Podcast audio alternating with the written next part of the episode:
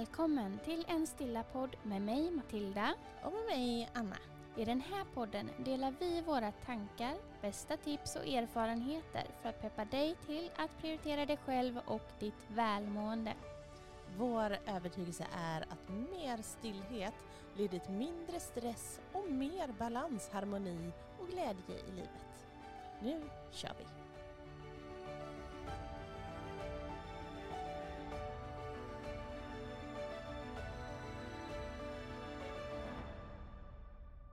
Hej och välkommen till ett alldeles, alldeles nytt poddavsnitt. Välkomna, välkomna. Hoppas att... Eh, bra... Nej, men vad, vad gör gör Jag du? kliar mig i ögat. Jag måste mascara hela facet nu. Åh herregud. Åh, jag fick sån kliattack. och- Jag har inte, alltså, jag har inte varit, jag har inte haft smink på mig på en hel vecka. Och nu har jag mascara idag och bara kletar ut det. Ursäkta. Paniken. Oj. Det var inte riktigt som jag hade tänkt. Det är så som vi hade tänkt. Oj, jag är helt svart. Ja. Ja, charmigt. Jag får sitta så här. Det går bra. Vi ber om ursäkt för eh, chocken. Ja. Vad skulle vi säga? Vad sa jag? Jag sa hoppas att du där hemma mår bra. Det var det jag skulle säga. ja. Åh, Underbart. det blir kaos. Hur mår du idag Matilda? Hur, eller hur har din vecka varit? Ja, ja, men jag har varit hemma sjuk Mm. eh, med förkylning och grejer. Så att jag har varit i soffläge fram till idag. Så ja, jag har som sagt inte haft smink på mig på en vecka. Och bara myst i soffan. Härligt. Så att ja, eh, jag är lite... Jag behöver komma ut och träffa folk. Känner jag ett starkt behov av. Lite understimulerad och eh, i behov av eh, sociala kontakter. Men det där är så lurigt när man är hemma och sjuk. För att samtidigt, man, alltså man behöver ju vila. Behovet är vila. Mm. Helt klart. Och man vilar och man vilar. Och så ändå så blir man så understimulerad. Samtidigt så orkar man ju ingenting heller. Och det är ju meningen att man ska vila. Så ah, det Ja. blir så märkligt. Ja, kroppen vill vila, huvudet känner något annat. Mm. Typ. Ja, så att eh, det känns skönt att vara lite mer på banan idag i alla fall. Nu får du i alla fall träffa mig. Ja, skönt det. Hur har din vecka varit? Ja, Min, ve- min vecka har varit eh, på, många, på många sätt bra. Mm. Det har det. Jag känner att jag känner mig... Ja, men jag har ändå rätt bra med energi, vilket jag inte haft på väldigt länge. Så det, det, har, ju, det har ju varit ett tema hela den här hösten, Mm. att jag har haft dålig energi. Men Mm. det, jag tycker att det, det går bättre och bättre. Och det är jätteskönt, det gillar jag verkligen.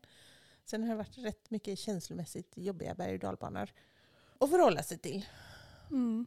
Men eh, jag vet inte. Jag tycker ändå att jag har haft rätt bra strategier. Du vet att även om det har varit jobbigt så har jag kunnat hantera det på och, och låtit mig känna det jag känner i stunden vilket gör att det rinner av fortare också. Mm. Det är ju det där. Mm, Det är precis så det är. ja. Så att, ja, nej, väldigt, väldigt blandad vecka. Men idag så, nu har det ju liksom blivit lite omslag i vädret så det är lite kallare. Det är lite klarare, solen skiner idag, det är fredag. Även om jag, jag ska jobba helgen så har jag ändå en rätt god fredagsfeeling. Mm. Så känslan just nu är, mm, det här blir bra. Det här blir bra. Mm. Jultröjan är också på idag. Ja, Matilda sitter här med jultröja, hon har tagit fram julmusten, skumtomtarna och... Eh, Belair. Och jag har hört rykten om att det ska snöa i helgen. är det sant? Ja. Håller tummarna för det. Ja, vi Mm. pepp på. Jag är väldigt pepp på det. Mm. Men idag tänkte vi att vi skulle prata om någonting eh, med att sätta gränser. Ja, att sätta gränser, alltså, att liksom värna om sina gränser och eh, prioritera sina egna behov Mm. och sätta dem före. Inte kompromissa för mycket med det. Det är ju någonting som eh, är väldigt viktigt och avgörande för en god hälsa och att må bra. Ja. Och det är någonting som vi är många som tycker är väldigt, väldigt svårt att brottas med dagligen. Ja, och jag tror att många dessutom kanske inte ens riktigt är medvetna om att de inte är så bra på det. Nej. Jag kan ju bara gå till mig själv att, och jag har alltid haft en bild av mig själv eftersom jag är rätt tydlig och rak i min kommunikation på många sätt. så har jag alltid tänkt att jag är rätt bra på att sätta gränser. Och ja, det här är så dumt. För jag, ja, jag, jag har faktiskt gått omkring med en självbild här nu då i 49 år där jag har trott att jag är bra på att sätta gränser. Det är jag inte. Jag är skitsugig på det. Jag har det senaste, ja, senaste halvåret har jag väl insett att nej, jag är verkligen inte alls duktig på det. Jag går över mina egna gränser så ofta utan att veta om det. Ja, men det är, det är nog inte helt lätt att få syn på, tror jag. Men när vi, när vi pratar om att sätta gränser så Mm. pratar vi framför allt om det här med i privatlivet, men Ja. också i arbetslivet. Ja. Att det kan gälla i fler situationer, eller många situationer. Absolut. Och arbetslivet så, så kan det ju oftast kanske handla om rent konkreta grejer. Du har en, en chef eller en arbetskamrat som kommer och säger till dig, jag vill att du gör det här. Alltså det är ju, det är ju rätt tydligt då. Och då säger jag ja eller så säger jag nej. Eller jag får tänka på det. Men precis, det, där är det ju ändå tydligt. Där ser du liksom någonstans att okej, här är vi. Är det här över min gräns eller är det inte över min gräns? Men i privatlivet så kan det ju vara betydligt eh, svårare relation med andra människor.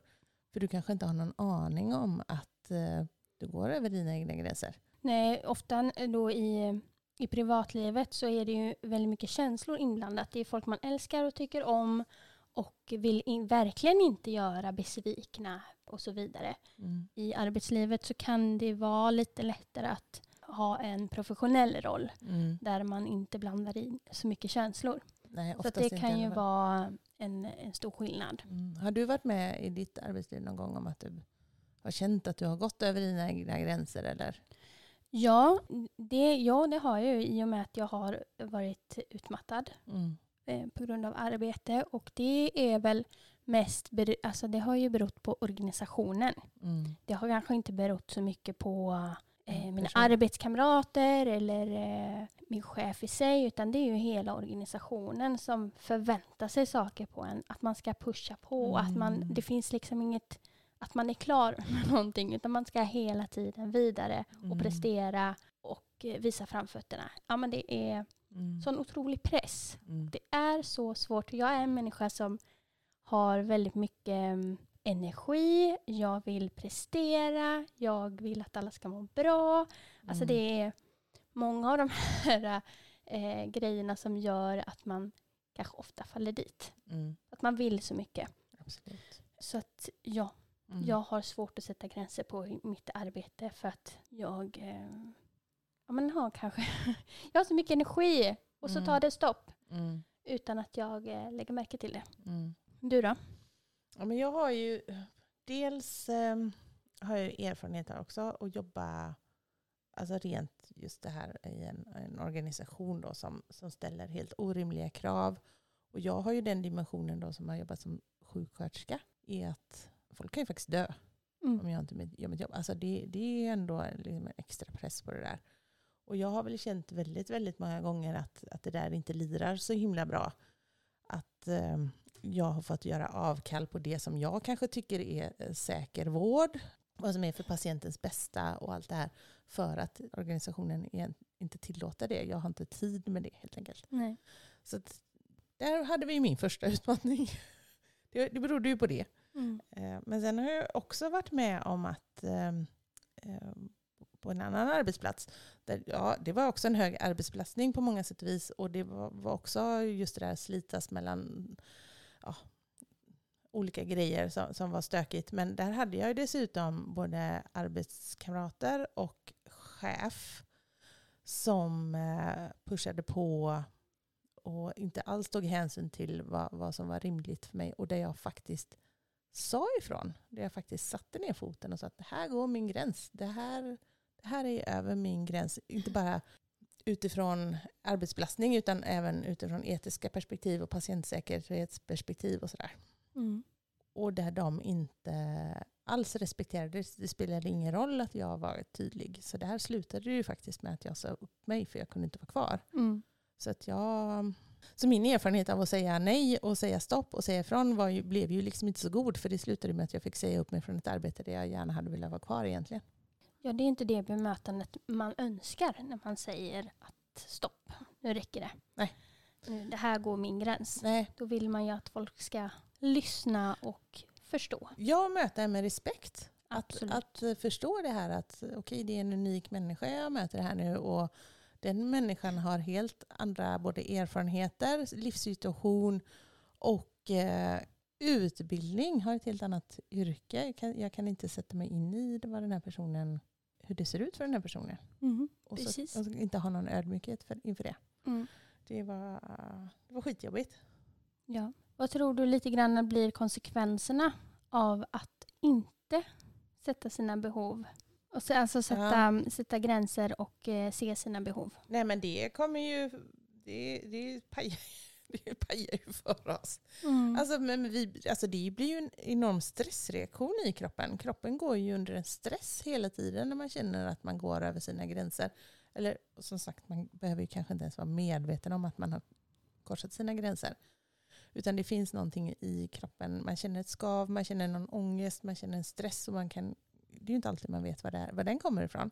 Och sen så Mm. tror jag ju att går man med det där för länge så det är klart att då riskerar man ju att bli sjuk på riktigt och drabbas av en utmattning eller någonting. Ja, och nedstämdhet tänker jag. Mm. Av att inte bli, känna att man blir lyssnad på. Mm. Eller att man, ja, även om man inte förmedlar det så blir det en känsla av att det är ingen som förstår mig, Nej, precis. tänker jag. Nej, men absolut. Mm. Men det är så lurigt det där. För jag, jag kan nog tycka att ja, men vissa, vissa gånger så är det ju rätt tydligt. Ja, men till exempel du har en chef som kommer och säger, eller en arbetskamrat som kommer och säger, jag förväntar mig att du gör det här. Och man känner att nej, det här är min gräns. Kanske utifrån att jag inte hinner eller att jag inte själv känner att jag har kompetensen nog att göra det eller vad det nu kan vara för någonting. Och så säger man nej. Men sen är det ju just det där som vi pratade om innan i relation med andra människor i sitt privatliv. Med familjen, med en partner, med sina barn. Ja. Alltså det är inte enkelt alla gånger. För av kärlek så är det så lätt att kompromissa Mm. utan att du ens vet om det. ja, du berättade ju för mig förut Mm. att eh, när du var småbarnsmamma Mm. så gick ju dina behov lite i andra hand. Mm. Att barnens behov kommer först. Mm. Och så tror jag att vi många med barn gör Mm. såklart. För att man ska ta hand om det här lilla knytet. Mm. Och eh, det här barnet behöver så mycket från en. Mm. Så att det, det blir nog naturligt att det blir så. Men sen att inte fortsätta med det när då kanske barnet blivit vuxet eller att man inte tar med det in i sina andra relationer. Mm. Det kan nog vara väldigt klurigt. Ja, jag tror det också. Jag har inte sett det innan att det har varit så, men det är ju först de senaste månaderna sedan det har gått upp för mig att vilket beteende som, som jag har. Att det, att det är så jag gör, att jag fortsätter med det där. Jag tror det är lite en kvinnofälla också. Jag tror att det är många kvinnor som fastnar i det att man tillgodoser andras behov Och hela då, tiden. och då är frågan varför, varför gör man det? Ja. Ja, Men det handlar ju om upp- uppfostran, Mm. om eh, vårt samhälle vi Mm. lever i. Mm. Det, det blir ju att man gör som man umgås och eh, hur man uppfostras. Ja, och sen så att det också beror då på rädsla. Rädsla för hur, hur ska folk ta emot att jag sätter gränser? Tänk om jag blir lämnad om jag sätter gränser? Tänk om eh, de inte älskar mig om jag sätter gränser? Tänk Ja, om, alltså, Man sätter ju upp tankar om hur det kan bli. Om jag sätter den här gränsen, vad blir konsekvenserna då? mm, Och så är det ju räds, alltså rädsletankar som kommer och spökar. Eller ja, spökar och spökar. Det kan ju vara så att någon blir irriterad, besviken. gör slut. Ja, ja, men någonstans så ska vi ju inte, inte se våra behov och tillgodose dem. Alltså vi måste ha en, en större huvudroll i vårt eget liv för att vi ska må bra. Verkligen. Men det är svårt. Jag tycker det är väldigt, väldigt, väldigt svårt. Vissa, som sagt, vissa gränser är lättare och vissa gränser är svårare. Och vissa gränser ser du inte ens att du borde ha satt upp för dig själv. Nej. Och hur upptäcker man det då? Ja. ja, men man kan ju vara en person som kanske inte ens har reflekterat över vad man har för behov och vad för gränser man egentligen har. Och då kan det ju vara otroligt svårt Mm. att bara förstå vad vi ens pratar om här. Ja, Jag- Eller så har man en självbild som jag hade, att jag är duktig på att sätta gränser och så händer det saker i livet, saker och ting krisar och så ser man att nej, det var jag inte så bra på. Ja. Jag tror någonstans att man behöver börja känna efter vad man har för känsla i kroppen. Går jag och mår dåligt rätt ofta? I vilka situationer mår jag Mm. kanske sämre? Mm. Vilka människor har jag runt om mig? Vad, hur påverkar de mig? Ja, I vilka sammanhang växer vissa känslor och sådär, obehagsjobbiga Mm. känslor. Ja, börja reflektera lite grann. Och några konkreta, om man, om man nu upptäcker då att okej, jag- i, de- i de här situationerna eller mot de här personerna så, så är jag sugen på att sätta upp mina gränser. Här är jag jätteduktig på att trampa ner på dem själv till exempel. Hur, hur, hur gör man rent konkret då, om man upptäcker det här?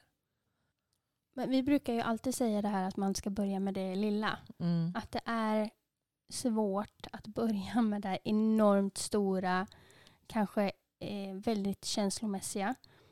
Att man gör små steg med kanske lite lättare personer. Mm. Eh, kanske jobbet känns lite lättare att säga ifrån. Börja då där med någonting litet. Mm. Man behöver inte börja med den där största, jobbigaste, svåraste personen där man dessutom kanske vet att man stöter på mest motstånd. Precis. Mm. Det tror jag är ett bra sätt, alltså ett bra verktyg att ta med sig. Mm. Sen eh, tänker jag att man kan också, när man får en fråga om så här, ja, men skulle du kunna göra det här? Att man skaffar sig lite betänketid. Mm. Så här, låt mig få fundera lite. Mm. Så att man inte behöver säga ja eller nej direkt. Mm. Så kan man känna efter vad som känns rätt. Mm. Och sen komma med ett svar tillbaka. Men det där är så lurigt då. För att då, då, ja visst, det är ju konkret då om, om man får en fråga. Mm. Kan du göra det här? Men sen är det ju de här outtalade. Mm. Där man, man, man tror att folk förväntar sig av en att man ska göra vissa saker eller agera på ett visst sätt. Det där är ju lurigt som Ja, sjutton. men jag tror ändå att man kan tänka lite grann då. Alltså reflektera. Känns det här rätt för mig? Hur kan jag bemöta det här? Kan Mm. jag säga ifrån på något bra sätt? Fast du kanske inte, du, det, det kanske bara finns i ditt huvud. En förväntan. Att, ja, men säg, ja, men säg så här. Ehm, ja, men sä, säg att det är din familj. Ja, det är ju min familj också. Vår familj. Vår familj.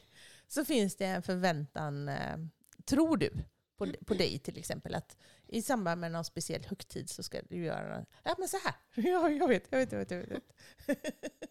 I många, många, många år så gjorde jag på julafton en eh, skaldjurstårta. Mm. Den, eh, den, så, det var sådär, vi drev om den här tårtan de första åren för det var lite så här att ja, den är lite överskattad, den kanske inte var så... Sådär. Det var Men, min far som sa ja, det var din far som sa det. Det ingen annan som tycker att den är överskattad. Den är jättegod. Ja, precis. Men, men då har ju det varit en grej. Att, eh, att jag tror att det finns en förväntan på mig varje år att jag ska göra den här tårtan. Ja. Och nu, för nu har jag gjort den i ganska många år. Men det är ju ingen riktigt som har uttalat att ah, men det, julafton kommer gå åt helvete om du inte gör den här tårtan. Det är det ju aldrig någon som har sagt överhuvudtaget. Verkligen inte. Och jag vet att ni uppskattar den. Men för varje år som går så tycker jag det blir tråkigare och tråkigare att göra den här jävla tårtan. jag tycker inte att det är så himla kul längre. Och det finns till och med år när jag har känt mig lite stressad över att göra den här jävla tårtan. Mm. Och då tänker jag också så här att ja, men jag fortsätter ju göra det ändå. För jag tror att det finns en förväntan på mig och att folk, någon, någon kommer bli besviken. Troligtvis din far. Kommer bli, kommer bli besviken på att jag inte gör den här jävla tårtan. Och det, ja, men det här är ju en skitsak liksom i sammanhanget. Men, men när man har många sådana saker i livet, när man bara går och får för sig att det är någonting man måste göra för att andra förväntar sig det och att man tänker att folk kanske blir sura om man inte gör det. Mm. Det är, det är en pyttegrej, men som ändå kan bli liksom som ett stort berg för oss människor. Så Mm. de här outtalade grejerna är ju skitläskiga, för det behöver inte ha någonting med sanningen att göra. Alltså jag kanske skulle komma en jul och inte hade gjort den och det är ju ingen som ens rycker på axlarna. Antagligen inte. Du kanske hade fått en kommentar. Jaha, har du inte gjort din berömda tårta i år? Nej, det har jag sugen på. inte. Och så hade alla ryckt på axlarna och, Och sagt, sagt, ja det var "Men- ju synd. Du kan få receptet så kan du göra det nästa år. Ja. Nej, men jag, jag tror att man bygger upp så mycket förväntningar själv. På sig själv. Ja! jag kan inte uppleva att jag har så mycket förväntningar på andra människor. Nej, jag vet precis. Mm. Så himla korkat. Ja, ja, man visst. ställer ju så mycket högre krav på sig själv än vad man gör på andra. Ja. Jag brukar också, ett litet tips, gå lite utanför mig själv. Mm. När, när jag känner att de här skaviga tankarna kommer på mig själv. Mm. Jag, jag borde göra så här, jag borde göra si. Mm. Och man trampar över sina egna, kanske behov. Mm. Då brukar jag gå utanför mig själv och titta på mig själv som om jag var min bästa vän. Mm. Och bara ge mig själv Mm. den feedbacken som en bästa vän hade gjort. Mm. Att hon hade inte sagt till mig att du ska banne mig göra den här tårtan i år. För alla förväntar sig det. Ja. Det hade hon aldrig sagt om hon hade varit min bästa vän. Nej. Hon hade sagt skit i tårtan, Ja, gör den inte. Nej, eller jag vill väldigt gärna ha den så jag kan göra den själv. Ja. Jag menar, ja, nej, men det är ju så festligt hur vi ställer till det för oss. Och det här kan ju tyckas, alltså det här exemplet med tårtan är ju skitexempel såklart. Men i en relation med, alltså en- med en partner till exempel så kan ju det här, sådana här saker kan ju få det att bli görjobbigt Mm. om man inte kommunicerar kring Ja. sina behov och sina egna gränser ja. och är tydlig med dem. Bara för man hade ett behov och en gräns innan så behöver ju inte det betyda att den är beständig. Utan Nej. den kan ju ändras. Absolut, ja men verkligen. Och det, ja, jag tycker man, det är så lätt att, att fastna i det där i en relation att ja, men du har ju de här behoven. Och så, Mm. så tror man, precis som du säger, att de är beständiga och konstanta, vilket de absolut inte är. Nej, men bara som ett exempel på det är ju om man då är utmattad eller har varit utmattad. Då har man ju ett behov av kanske mer hjälp från sin omgivning. Att Mm. man kan behöva mer hjälp med hussysslor eller med barn eller med jobb eller andra saker. Då har man ett annat behov av att få hjälp från andra människor. Mm. Medan är du frisk så äh, klarar du och vill ta hand om saker själv. Mm. Eller så. Mm. Att behoven ändras ju verkligen efter hur man mår och vart man är i livet. Mm. Ja men verkligen. Det, det är svåra grejer. Verkligen. Ja. Det, men jag tror att man behöver reflektera rätt ofta var man själv står någonstans. Mm. Vad man har för behov och vart framförallt gränserna går. Mm. Så att man inte trampar över dem och inte någon annan trampar över dem Nej. för ofta. Nej, men, exakt, och jag tänker också på det om, om det är i en relation med en person som man älskar, oavsett om det är en förälder, barn eller partner eller vad det nu är för någonting. Så om vi säger så här att jag inte sätter upp mina gränser, vilket gör då att den här personen trampar in över dem. Den personen kanske inte har en aning om att den trampar över dem. Och den personen som älskar mig är ju inte ett dugg intresserad av att göra mig illa på något sätt. Nej. Nej, så att det kan ju bli det här, det här kan ju bli så tokigt fastän två personer som älskar varandra och så kan det ändå bli väldigt, väldigt tokigt. Så att det är ju viktigt, inte bara för mig att sätta upp mina gränser och vara tydlig med dem, utan även för den andra personen. För då kan ju den känna sig trygg i att veta vad den har mig och veta att den inte gör mig illa. Mm. Det är väldigt svårt också i en relation för man har ju inte alltid samma behov och gränser. Nej. Det kan ju vara väldigt, väldigt olika i olika sammanhang. Och det tror jag är det svåraste. Att alltså ha en relation med någon och ha olika gränser. Mm, olika behov. Ja. Man ska kompromissa på något sätt med varandra för att livet ska kanske gå ihop. Ja, och båda ska känna sig lyckliga och nöjda. Eh, Ja. Men och då är det ju än viktigare att kommunicera dem. Verkligen. jätte, jätteviktigt. Mm. Alltså det är ju rent av oansvarsfullt att inte göra det. Kan man säga så? Eller, nu blir- Jag tror att relationen mår väldigt mycket bättre av att ha en öppen eh, kommunikation om eh, sina gränser mm, och hur, hur man vill ha det. ja. Jag hamnade ju nyligen i en situation med, i en relation med en annan person. Där jag, jag var så oerhört noga att den här personen inte skulle kompromissa med sina gränser. Så att jag kompromissade för mycket med mina egna. Så att helt plötsligt upptäckte jag att okej, nu var det jag som tappade bort mig själv istället. Och det var en väldigt eh, udda upplevelse. För det såg inte jag komma alls. Nej. Och det kan ju vara tufft. Ja. ja, det var ju jättegräsligt när man säger att ja, ja, nej, men, okej, av kärlek så har jag ju eh, har gått över mina egna gränser istället. Mm. Det är tur att man kan lära sig av sina misstag. Ja, ibland är det så tröttsamt. bara. Ibland önskar man bara att livet hade kunnat vara lite lättare. Nej men fakt, faktum är så här att jag, det var precis som jag sa tidigare, att det här är ju någonting som jag upptäckte, upptäckte ganska nyligen att jag är rätt sugig på.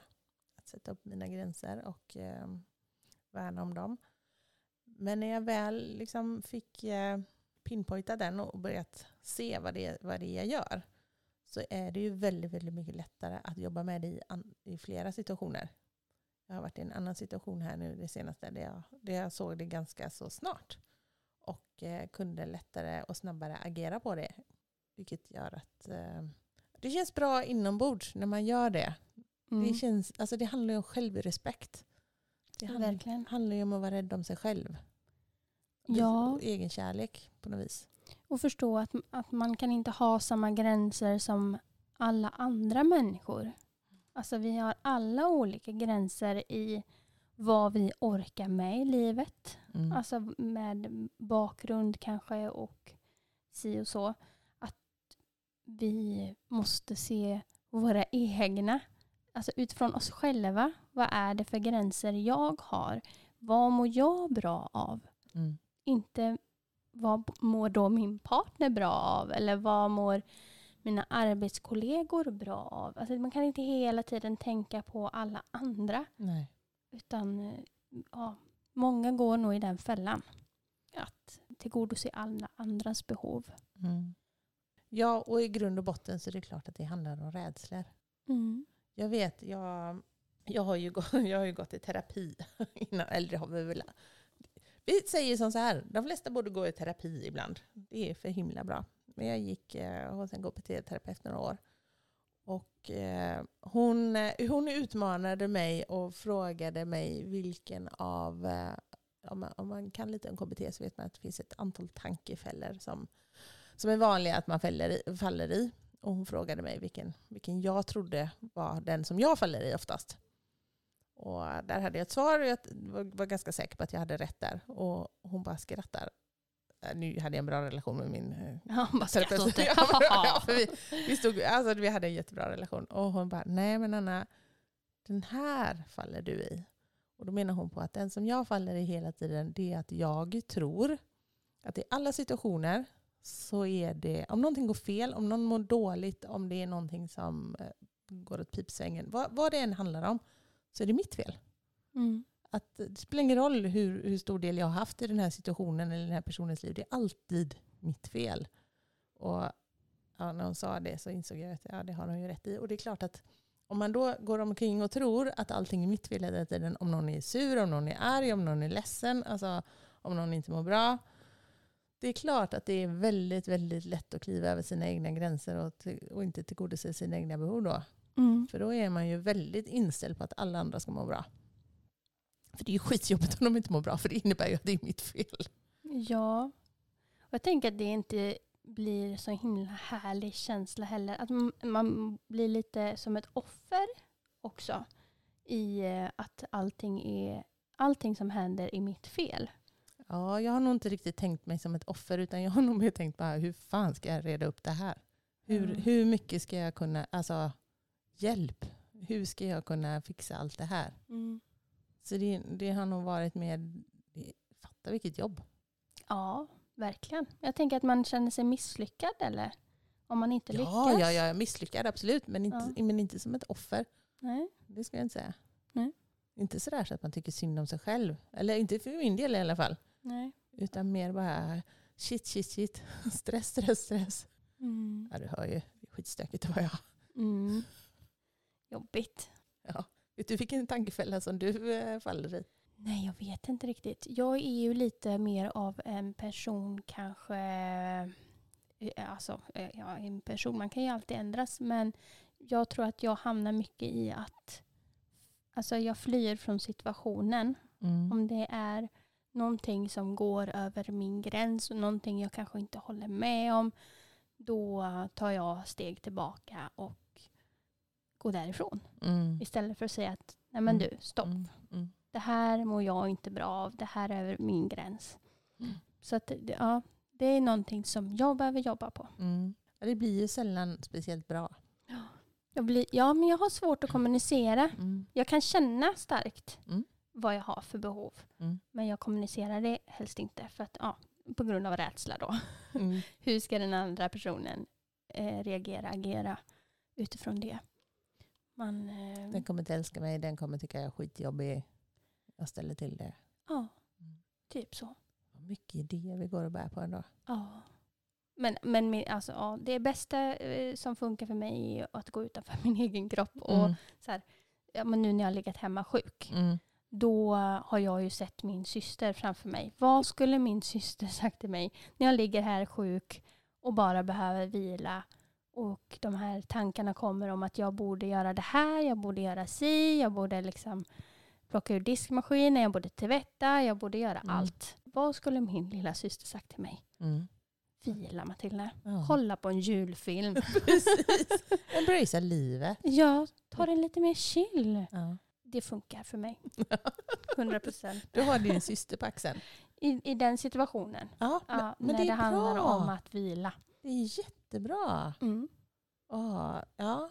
ja precis. Man får hitta de personerna som ger det där Ja. bra i livet. Exakt, för jag vet, ju vilken, jag vet ju vilka två personer jag har på min höger och vänster axel som eldar på mitt dåliga beteende när jag hetsar på mig själv. Jag borde, jag borde, jag borde. Alltså, Ja. Jag vet ju precis vem som sitter på höger och vem som sitter på vänster. Men jag skulle ju behöva någon annan som sitter där. Som sitter med de här positiva, bra, peppiga. Exakt. Mhm. Att, eh, helt rätt. Mm. Och skulle Maria sagt till dig, Jaha. typ, Vad skulle Maria, min käraste bästis... säga till dig Ja. i den här situationen? Ja, man kan få väldigt bra. Ja, man kan få så bra tips. Ja, jag skulle säga så bra saker. Ja. Jag hade faktiskt med henne på, på ja, men jag, nu när du säger det. Jag hade henne med på ena axeln nu när jag satte ner foten här i veckan. Mm. Jag hade henne med. Det är skönt att få lite stöttning. Det vet hon inte om. nej, nej, det behöver man inte veta. Det är för sig själv. Ja. Nej, Men det, det var lite grann av det här som vi ändå kände att vi ville dryfta eh, och prata av oss lite grann om idag. Hoppas att du som lyssnar ändå liksom känner att ja, men det fanns någonting i det här som jag kunde plocka med mig. Det var inte allt för förvirrat. Precis. Någon eh, tanke som kanske har väckts. Ja, precis. Vad har du för behov och ser du dem? Och när, I vilka situationer trampar du över dina egna gränser? Och varför eh, trampar du över dina egna gränser? Precis. Vad är det du är rädd för? Mm. Och eh, är det outtalade grejer det handlar om eller är det uttalade grejer? Mm. Viktigt att fundera över det. Så bra. Ja, men det är det verkligen. Men eh, med det sagt så Avrundar vi det här avsnittet? avrundar vi idag. Nu tar Mm. vi snart helg. Mm. Och så hoppas vi att du får en riktigt, riktigt bra vecka så hörs vi nästa fredag igen. Det gör vi. Hej då. ha det bra. Ha det bra. Hej. Hej då.